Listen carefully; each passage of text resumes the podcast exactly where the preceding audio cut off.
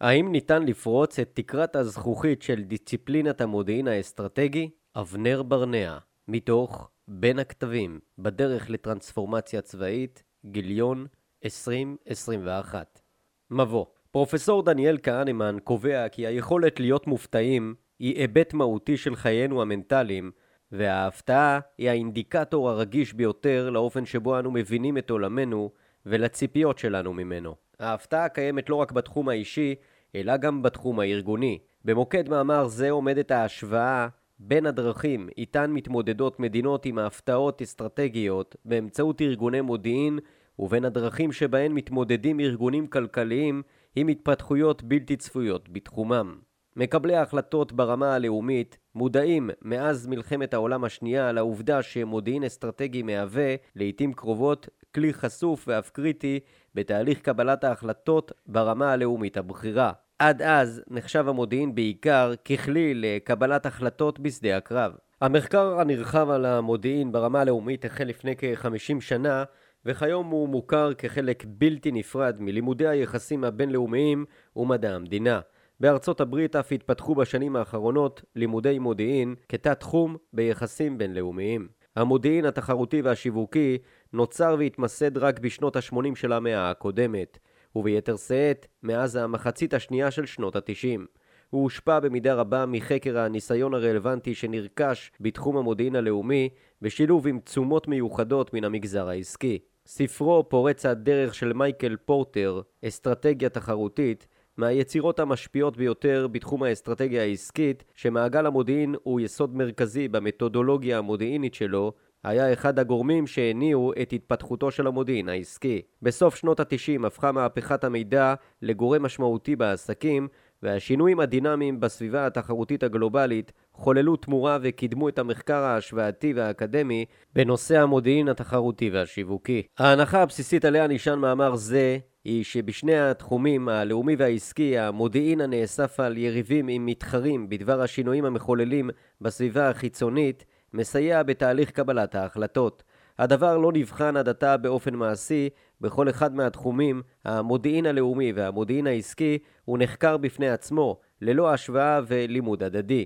יתר על כן, בשני התחומים קיים צורך בשיפור, מטרה שניתנת להשגה באמצעות מחקרים חוצי ארגון, במיוחד משום שמקבלי ההחלטות המקבלים את המידע ומאבדים אותו נוטים לטעות, וטעויות אלו נחקרות בארגונים עסקיים ביעילות רבה יותר מאשר בגופים מודיעיניים. הדבר נובע בין היתר מההיקף הנרחב של המחקר האקדמי בתחום האסטרטגיה העסקית, בדגש על הגורם התחרותי כמעצב את אופן קבלת ההחלטות והפעולות של ארגונים עסקיים. זאת ועוד, בשני התחומים קיים קושי למדוד את תרומת המודיעין, מאחר ובתהליכי קבלת ההחלטות משתלבים משתנים נוספים, כגון שיקולים פוליטיים ופנים ארגוניים, תפיסות של מקבלי ההחלטות, שיקולים אישיים, לחצים מצד גורמים אינטרסנטיים ועוד, שגם להם משקל בקבלת ההחלטות. במצב זה, כלל לא ברור אם למודיעין יש עדיפות על פני הגורמים האחרים. מאמר זה בוחן מה יכולים תחומים אלה ללמוד האחד מהשני, וזאת על בסיס סקירת הספרות הקיימת בנושא מודיעין תחרותי ומודיעין לאומי אסטרטגי כאחד. המאמר מבקש להראות כי לימוד הדדי יכול לשפר את איכות המודיעין, לסייע בהבנה טובה יותר של מצבים סבוכים, ולתרום בכך לתהליכי קבלת ההחלטות. המאמר עשוי להועיל במיוחד במניעת הפתעות אסטרטגיות, וכן בשיפור הבנתם של מצבים מורכבים. יצוין כי בסיס המתודולוגיה בשתי הדיסציפלינות, המודיעין הלאומי והמודיעין התחרותי, דומה ונשען על מעגל המודיעין. כישלונות מודיעיניים והיעדר התראה מערכות להתראה מוקדמת זוכות למידה רבה של הכרה הן בתחום המודיעין הלאומי והן בתחום המודיעין העסקי. אופן יישומן של מערכות אלו בכל אחד מן התחומים מגלה כי האתגרים בשניהם דומים למדי ולעיתים קרובות תלויים בפרשנות של המידע המודיעיני ובממשק עם מקבלי ההחלטות. התופעה של כישלונות המודיעין במתן התראה בדגש על מתקפת פתע נחקרת מאז פרסמה רוברטה וולסטטר בתחילת שנות ה-60 של המאה ה-20 את מחקרה על מתקפת הפתע היפנית על פרל ארבור ב-1941. ארגוני המודיעין הצבאי עוסקים שנים רבות בשאלה כיצד ניתן לשפר את יכולתם כדי למנוע הפתעות אסטרטגיות. הדגש העיקרי מושם על שיפור יכולות האיסוף, בעיקר החשאי, ובשנים האחרונות גם על האיסוף הגלוי, וכן על תחום המחקר ותחומים נלווים, כגון יחסי הגומלין בין ארגוני המודיעין. המחקר מצביע על כך שבמרבית מתקפות הפתע שהתרחשו מאז שנת 1939, טענו קהילות המודיעין קודם למתקפה כי אין סיכוי שהיא תתרחש. זו הסיבה שמקבלי ההחלטות הפנו לאחר מכן אצבע מאשימה כלפי אנשי המודיעין על כך שלא חזו את המתקפה ולא התריעו מפניה. ריצ'רד בט, מהחוקרים המובילים בתחום המודיעין, טוען כי הציפיות שהגידול בכמות המשאבים והאמצעים המוקצים למודיעין בעשורים האחרונים יביא לשיפור איכות המודיעין האסטרטגי לא התממשו ולא נרשם שיפור משמעותי ביכולות של קהילות המודיעין של ארצות הברית, בריטניה וישראל בתחום האסטרטגי בעוד שהסיבות לכשלים נותרו בעינן.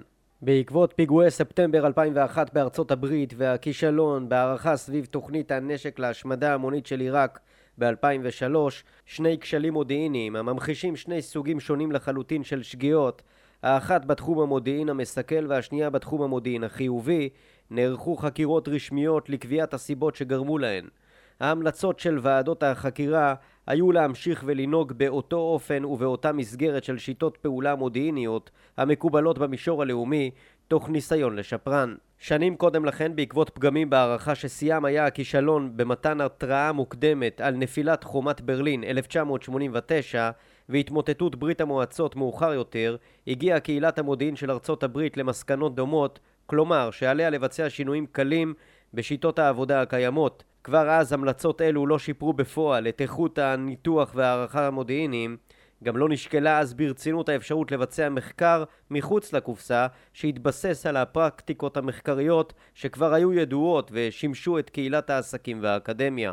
היעדר התראה על איומים המתפתחים בתחום העסקי כמו פריצת המשבר הכלכלי בספטמבר 2008 או קריסה של חברות גלובליות, דוגמה אחת מיני רבות היא קריסת חברת נוקיה, מציג בעיה דומה שלא זכתה לדיון תאורטי מספק מהיבטי המודיעין וההתראה. ארגוני מודיעין קברניטי, מדינות ומנהלים בכירים בתחום העסקי משקיעים מאמץ גדול למנוע הפתעות אסטרטגיות, אך ממשיכים להיות מופתעים מסיבות דומות בשני התחומים.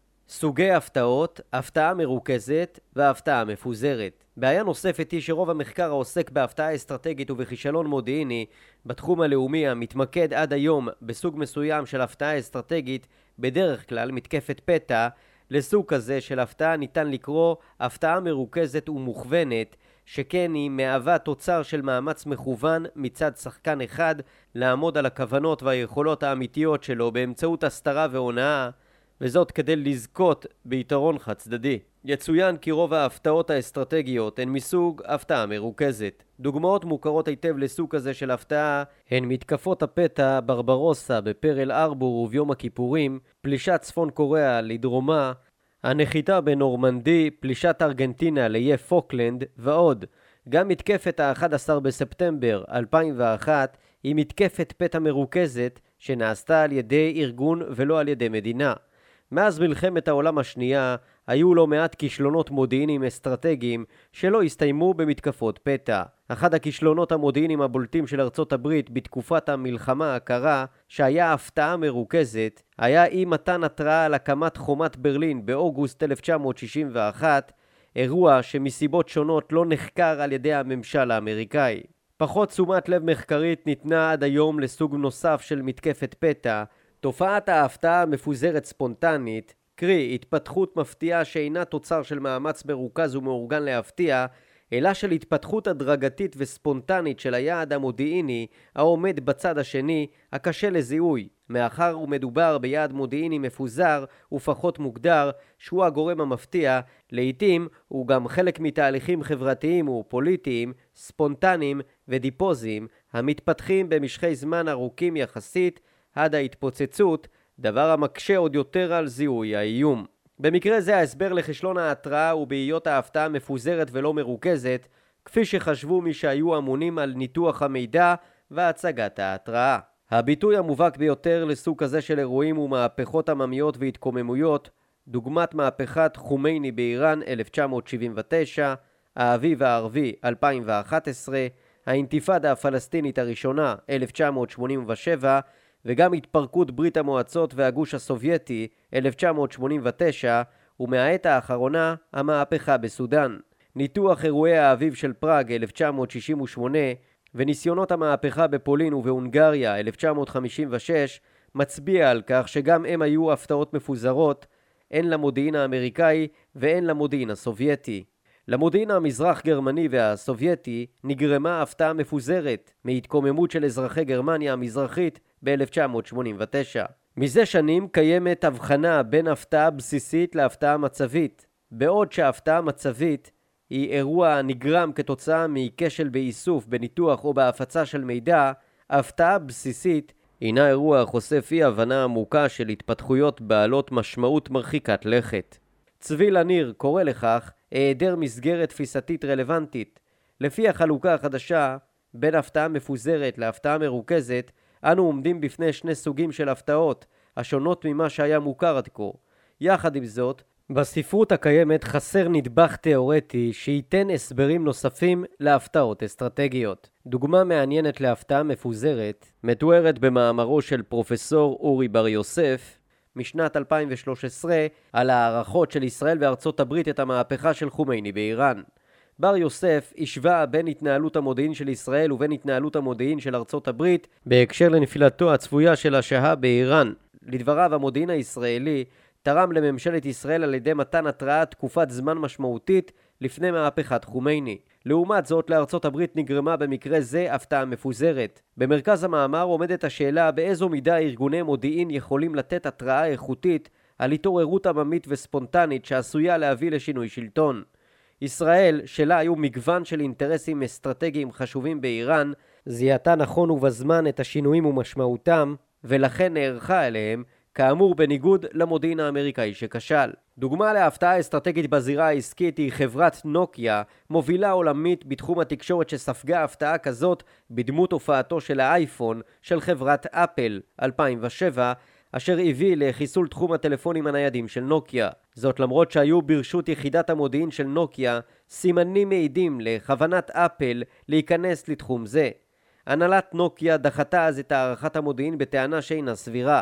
דבר דומה קרה לחברת קודק, שלא נערכה למהפכה הדיגיטלית בצילום, ויש עוד דוגמאות רבות מסוג זה. אך טבעי הוא שמי שמתכננים מהלך אסטרטגי עושים כל שביכולתם כדי לגרום להפתעה, ואילו אלה האמונים על סיכול צעדיו האסטרטגיים של האויב או של המתחרה, עושים כמיטב יכולתם למנוע אותם. כבר מתחילתו התמקד המודיעין התחרותי לא רק במעקב אחר איומים מצד מתחרים או בניטור של התפתחויות טכנולוגיות משמעותיות, כגון המדיה הדיגיטלית שהחליפה את ה-DVD ואת ה-CD, מדפסת הלייזר שהחליפה את מדפסת הדיו, הצילום הדיגיטלי שהחליף את הפילים הכימי, הפלסטיק שהחליף את המתכות והזכוכית וכן הלאה. אלא גם בחקר מגמות בשוק, תוך שימת דגש על הבנת רצונותיו של הלקוח, וזאת לאורך קבלת החלטות היוצרות יתרון תחרותי.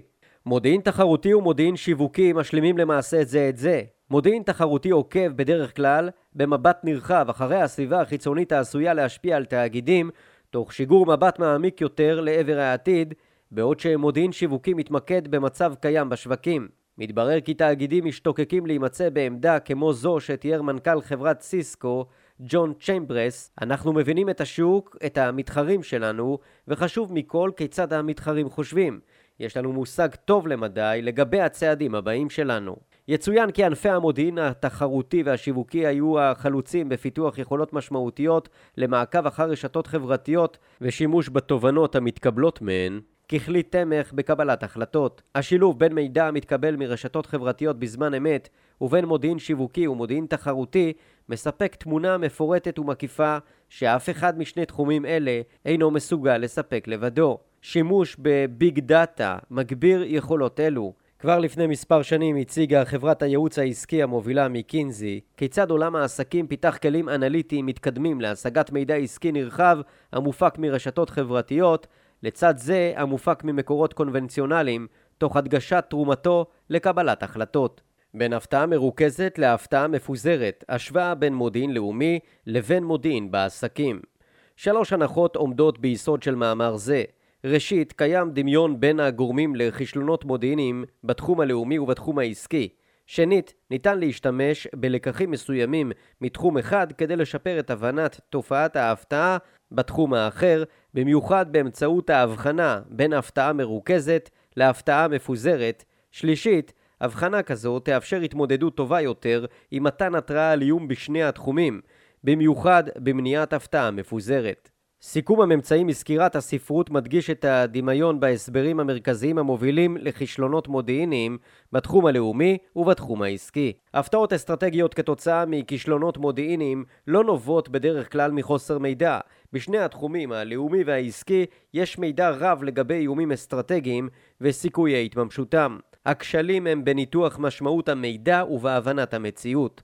כשלים אלה הם תוצאה של הקושי לשנות הערכות קיימות, וזאת בגין הטיות וכשלים קוגנטיביים של אנליסטים, גישות אתנוצנטריות, סיבות ארגוניות והשפעת מקבלי ההחלטות. אחד החוקרים הישראלים הדגולים בתחום האסטרטגיה הצבאית והביטחונים, יהושפט ארכבי, שהיה מהראשונים בישראל שגיבש את מהות עבודת המודיעין ככלי חשוב להבנת התמונה, כתב כי היעדר הבחנה של מהות האיומים הוא תוצאה של כשלים קוגנטיביים הגורמים לקשיים ביצירת תמונת המציאות. מודלים עסקיים שונים, במיוחד כאלה שעניינם מסגרת לניתוח מתחרים, כולל חיזוי והערכת מהלכים עתידיים של חברות ושווקים, שילבו כלים שמטרתם לנטרל את הקשיים המתוארים לעיל. הדמיון בין ההסברים לכישלונות מודיעיניים במישור הלאומי ובמישור העסקי בא לידי ביטוי בחמישה תחומים עיקריים. א', יכולות האיסוף. בדרך כלל אין חוסר במידע רלוונטי. ב', סביבת מידע רועשת. קיים קושי במיון המידע ובקליטתו עוד לפני שלב הערכה, וזאת בגין כמויות מידע גדולות והיותו של המידע לעיתים לא ברור וסותר בחלקו. ג. כשלים של הגורם האנושי. הספרות המקצועית מתמקדת בכשלי המעריכים שהם בדרך כלל אנשי מחקר המודיעין ואינה עושה זאת בהתייחסות לקשיים בזיהוי היעדים המודיעיניים, הצד השני, שהם נשוא תשומת הלב של ההפתעה המפוזרת. בהיעדר מודעות לעניין זה ניתנת פחות תשומת לב לפיתוח יכולת אנליטית למניעת הפתעה מפוזרת. ד. קשיים ארגוניים ושיתוף פעולה לקוי. כשלים הנובעים ממורכבות מבנית של ארגונים ומתחרות בתוך הארגון ובין ארגונים פוגעים בשיתוף פעולה ומשפיעים על מיצוי של המודיעין. ה. Hey, יחסי גומלין של המודיעין עם מקבלי ההחלטות. יחסים אלה עלולים להביא לכך שהערכות יוטו או אף תימנע העברתן לקברניטים כדי למנוע קונפליקט בין המדיניות הרצויה ובין הערכות המודיעין. ההבחנה בין ההפתעה המרוכזת להפתעה מפוזרת, שכאמור אינה מוגדרת ככזאת בספרות האסטרטגית והעסקית, נותנת הסבר נוסף לכישלונות מודיעיניים בשני התחומים. אחד ההסברים לכישלון ההתראה על הפתעה מפוזרת הוא שחוקרי מודיעין פועלים על פי דפוסי חשיבה של הפתעה מרוכזת שאינה רלוונטית. מאחר ובמקרים אלה קיים קושי בזיהוי המאיים, יכולותיו וכוונותיו מתמקדים בטעות ביעדי מודיעין לא נכונים המובילים להערכות המתבררות בהמשך כמוטות, בעוד שבהפתעה מרוכזת יעד המודיעין המוערך הינו בדרך כלל ארגון מוכר, אויב, יריב, מתחרה, שיכול לאיים בפעילותו בהפתעה מפוזרת, קיים קושי לזהות את היעד המודיעיני, וכתוצאה מכך עולה הסיכוי להפתעה מפוזרת. על סמך ניתוח כישלונות מודיעיניים וכדי להבין טוב יותר את תופעת הכישלון המודיעיני, גובשה על ידי חלוקה חדשה למרוכז ומפוזר, המאפשרת לסווג הפתעה אסטרטגית לפי ארבעה ממדים וטיפוסי הפתעות, לפי סוג ההפתעה, מרוכזת ומפוזרת, ולפי סוג הסביבה בה מתרחשת ההפתעה, לאומית או עסקית. כל כישלון מודיעיני ניתן לסיווג לפי שניים מארבעת הממדים. ההסבר המוצע על ידי, על סמך בחינת כישלונות מודיעיניים בתחום הלאומי והעסקי, מראה ששימוש בשני סוגי הפתעות אסטרטגיות, מרוכזות ומפוזרות, יכול לסייע בהבנה טובה יותר של הסיבות לכשלים מודיעיניים, ובכך הוא מוסיף על ההסברים הקיימים, שבדרך כלל נכונים להפתעות מרוכזות. חלוקה על פי ארבעת הממדים האלה לא בוצע בעבר, ולכן טיפולוגיה זו בוחנת את נושא כישלונות המודיעין מנקודת מבט חדשה ויכולה לסייע במניעת טעות בחיזוי המבוססת על ההבחנה בין הפתעה בתבנית מרוכזת להפתעה בתבנית מפוזרת. כישלונות מודיעיניים והפתעות אסטרטגיות נחקרים גם בתחום העסקי, וזאת כדי למנוע הפתעה מרוכזת, כלומר השגת יתרון משמעותי על ידי מתחרים. גם הניסיון הרב הנצבר בזיהוי תופעה של שינויים רחבים בשווקים ובקרב קהלי צרכנים משמש כאמצעי למנוע הפתעה מפוזרת. הצעות רבות לשיפורים במודיעין הלאומי באו, בדרך כלל, מתוך ארגוני המודיעין עצמם ולא מתחומים רלוונטיים אחרים, כגון עולם העסקים. ההפתעה מאירועי האביב הערבי והאתגרים המודיעיניים שהעמידו התפתחויות פנים-חברתיות, למשל איומים מצד קהלים רחבים וארגונים רבים המובילים להתקוממות אזרחית, לעיתים מזוינת, הביאו את גופי המודיעין בארצות הברית ובמדינות מערביות אחרות להתחיל לחפש פתרונות בתחום העסקי. אלה נועדו לפתח יכולות מודיעיניות שיאפשרו לקבל התראות בזמן על תסיסה חברתית ועל שינוי מגמות והלכי רוח, העשויים מצידם לגרום לשינויים פוליטיים. מהמחקר עולה כי ניתן ללמוד מהנעשה בתחום המודיעין בעסקים כדי להביא לשיפור בעבודת המודיעין ואולי אף למנוע הפתעות אסטרטגיות. בדרך כלל חוקרים את התקלות והקשיים שהתגלו אצל גורמי המודיעין המעריכים. במחקר שלי, בנוסף להסבר של הפתעה מפוזרת, מועלית הבחנה לפי הקשיים בהבנת המציאות הם תוצאה לא רק של כישלון המעריך, אלא גם של בעיה בהערכת היעד. טעות של ארגון המודיעין בזיהוי היעד המודיעיני ממנו אמורים להפיק תובנות בדבר היכולות והכוונות של הצד השני, גורמת לשרשרת תקלות בהמשך מעגל המודיעין. כאשר מתרחשת טעות בחיזוי ההפתעה, חלק מהתשובה לשאלה מדוע זו התרחשה הוא כשל בהערכת היעד המודיעיני, שהוא הגורם המפתיע. המשמעות של כשל בהערכת היעד היא שהמיקוד בהציח אינו נכון, ולכן האיסוף מביא אל תוך מעגל המודיעין מידע לא רלוונטי המוביל למסקנות מוטות ולקושי נוסף בגיבוש התראה. כשל בהערכת יעד המודיעין מתרחש גם בעולם העסקי, אך המודיעין העסקי והשיווקי מודעים לאפשרות זו, מאחר ובניגוד למודיעין הלאומי הם אינם ממוקדים רק בהבנת כוונותיהם של היעדים המתחרים, אלא מנטרים גם אוכלוסיות גדולות, ציבורים וקהלים, כדי להגיע לתובנות שיסייעו בקבלת החלטות. כדי לבסס את הגישה התאורטית המוצעת נחקרו ארבעה מקרי בוחן בתחום הלאומי ובתחום העסקי, שלגביהם נעשתה הבחנה בין הפתעה מרוכזת להפתעה מפוזרת, שניים ממקרי הבוחן הם מתחום הכישלונות במודיעין הלאומי ושניים הם כישלונות מודיעיניים עסקיים. יצוין כי המחקר על כישלונות במודיעין הלאומי מסתמך בדרך כלל על חומרים שמדינות מפשירות על פי שיקוליהן ואלה יכולים להשפיע על תוצאות המחקר. במקרה הנוכחי לצורך המחקר על האינתיפאדה הראשונה 1987 נאסף מידע מרעיונות אישיים אשר תיקף את המידע מארכיון צה"ל. בסוגיה של מתקפת ספטמבר 2001 בארצות הברית נערכה השוואה בין מספר גדול של מקורות שחקרו את הנושא. במהלך המחקר שערכתי התברר כי שניים ממקרי הבוחן, מתקפת ספטמבר 2001 והמשבר הפיננסי של 2008, נחקרו באופן נרחב ואילו שני המקרים האחרים, האינתיפאדה הראשונה וקריסתה של חברת IBM, כמעט ולא נחקרו. מאחר ובבסיס הגישה החדשה שמוצגת במאמר זה עומדת ההבחנה בין הפתעה מרוכזת ובין הפתעה מפוזרת ומכיוון שגישה זאת גם מעלה את הבעייתיות שבזיהוי היעד המודיעיני במיוחד בהפתעה מפוזרת היה צורך בהסתכלות שונה על אירועים ללא קשר למה שנחקר בעבר. בכל אחד מהתחומים נבחר מקרה בוחן אחד של הפתעה מרוכזת ואחד של הפתעה מפוזרת. בשני התחומים הנחקרים נבחרו מתוך רשימה מקרים בולטים של כישלונות מודיעיניים, המייצגים מקרים מאפיינים של כישלונות כאלה בשניהם. ההשוואה נערכה לפי סוג הסביבה שבה התרחשה ההפתעה, לאומית או עסקית, וסוג ההפתעה, מרוכזת או מפוזרת. ההשוואה הזו מאפשרת להבין טוב יותר את תופעת הכישלון המודיעיני ולהסביר הצלחה או כישלון בחיזוי בתחום אחד וגם בתחום השני, ובכך להרחיב בהסברים לכישלון בחיזוי. המשמעות היא כי בעתיד, במקרה של הפתעה אסטרטגית, נשאל גם באיזה סוג של הפתעה מדובר, מרוכזת או מפוזרת, שאלה שאינה נשאלת כיום. העלאת המודעות של אנשי המודיעין לקיום שני סוגי הפתעות תסייע גם במיקוד הצי"ח, שהוא מפתח לטיפול במידע שעליו מבוססות הערכות אשר אמורות להצביע בזמן על האיום המתקרב. ניתוח שני מקרי הבוחן של הפתעה מפוזרת, האינתיפאדה הראשונה ב-1987 והמשבר הפיננסי של שנת 2008, מצביע על כך שהארגונים שהופתעו התעלמו מעמדות ומהתנהגויות של קהלים וארגונים שפעילותם המצטברת גרמה להפתעה מפוזרת. אלה לא היו מהלכים מתוכננים, כפי שמתרחש בהפתעה מרוכזת, אך בסופו של דבר הפתיעו את הצד השני. מדובר בשינויים תהליכיים, דיפוזיים, מפעפעים, שהתרחשו לאורך זמן ובהתפרצותם הספונטנית הפתיעו את המעריכים. בשני התחומים העסקי והלאומי, האחראים על המודיעין נערכו כפי שהיו רגילים להפתעה מרוכזת, אך מה שהתרחש היה הפתעה מפוזרת, שמאפייניה שונים ואליה לא היו ערוכים.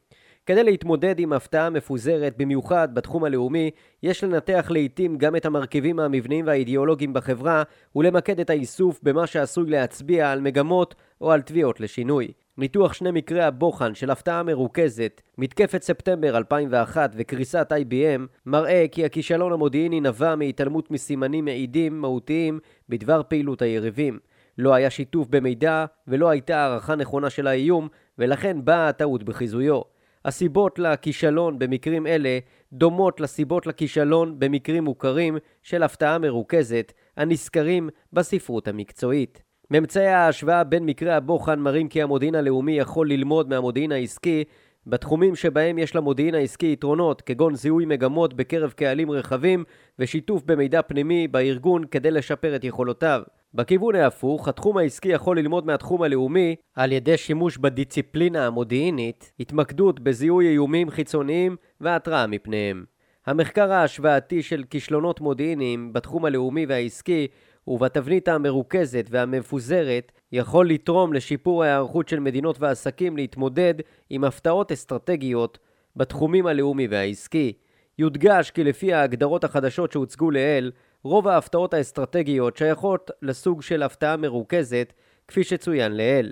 להערכתי החידושים התאורטיים שהוצאו במאמר זה יכולים להביא להבנה טובה יותר של אחת התופעות המדאיגות את ארגוני המודיעין והקברניטים במדינות ובעסקים, ההפתעה האסטרטגית, ובכך אולי לצמצם את הטעויות בחיזוי.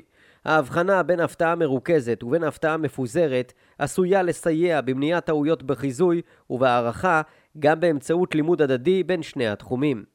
הלימוד ההדדי קהילת המודיעין האמריקאית סברה בשוגג כי אין ביכולתה ללמוד מהניסיון שנצבר בתחום המודיעין העסקי וזאת חרף העובדה כי במשך שנים רבות ניסו ועדות המודיעין של הקונגרס האמריקאי ומספר מומחים בקהילת המודיעין של ארצות הברית לשכנע כי גישה זו שגויה. התברר כי גופי המודיעין הלאומיים נהגו לבחון ארגונים יריבים על בסיס מידע חסוי והתעלמו לרוב ממידע גלוי עליהם כתוצאה מכך, הם הזניחו את הניתוח של קהלים גדולים, למשל לצורך זיהוי מוקדם של תסיסה אזרחית או מגמות משתנות בקרב דעת הקהל, אשר היה בהן כדי לאיים על משטרים קיימים.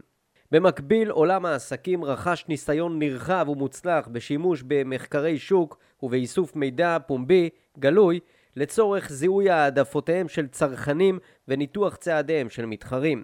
דיוויד שד, סגן מנהל סוכנות הביון של משרד ההגנה האמריקאי, DIA, התייחס לכישלונה של קהילת המודיעין בחיזוי אירועי האביב הערבי. האנליסטים לא הבחינו בסימנים שעשויים היו להצביע בפנינו, להראות לנו כי יש חוסר שביעות רצון הולך וגדל בקרב הציבור הכללי. טעינו בכך. אירועים אלה הובילו את סוכנויות המודיעין של ארצות הברית לבחון ניסיונות עסקיים רלוונטיים תוך ניתוח עמדותיהם של קהלים נרחבים. מיקור המונים, וזאת בשילוב עם העולם האקדמי וחברות גלובליות רבות, ביניהן אינטל, HP, דל, גוגל, Eli Lilly, Procter and Gamble, ג'נרל אלקטריק ועוד. תחום נוסף המאפשר למודיעין האמריקאי ללמוד מן הניסיון שנצבר בעולם העסקים הוא חיזוי שווקים, הידוע בשם שוקי חיזוי. הניסיון העסקי הנרחב מאפשר לנו להעריך את הכיוונים והמגמות בשווקים ולקבל התראות מוקדמות לגבי שינויים משמעותיים אפשריים בהם. כשלים מודיעיניים, ובכלל זה אי חיזוי האביב הערבי, גרמו לגופי המודיעין האמריקאים, הבריטים והישראלים לבחון את הניסיון שנרכש בניתוח עסקי בתחומים של קהלים גדולים, חיזוי, טכניקות של ניתוח הזדמנויות וניסיונות למדוד את ערכו של המידע, תחומים המוכרים היטב בעולם העסקים. נראה כי ארגוני מודיעין לאומיים החלו בהדרגה להבין את הצורך לחקור וללמוד מדיציפלינות אחרות, לרבות בתחום העסקי, כדי לבחון כיצד יש בהן כדי לחזק את יכולותיהם. בנוסף לכך הם החלו להבין את הצורך בפתיחות כלפי המגזר העסקי וביישום יכולות חדשות שלאחר ביצוע ההתאמות הנדרשות בהן יוכלו לסייע בהתמודדות עם האתגרים הניצבים בפני גופי המודיעין. דוגמה מצוינת להתפתחות כזאת היא האופן בו ה-FBI המציא את עצמו מחדש לאחר אירועי ספטמבר 2001 והפך מסוכנות לאכיפת חוק גם לארגון ביטחון לאומי.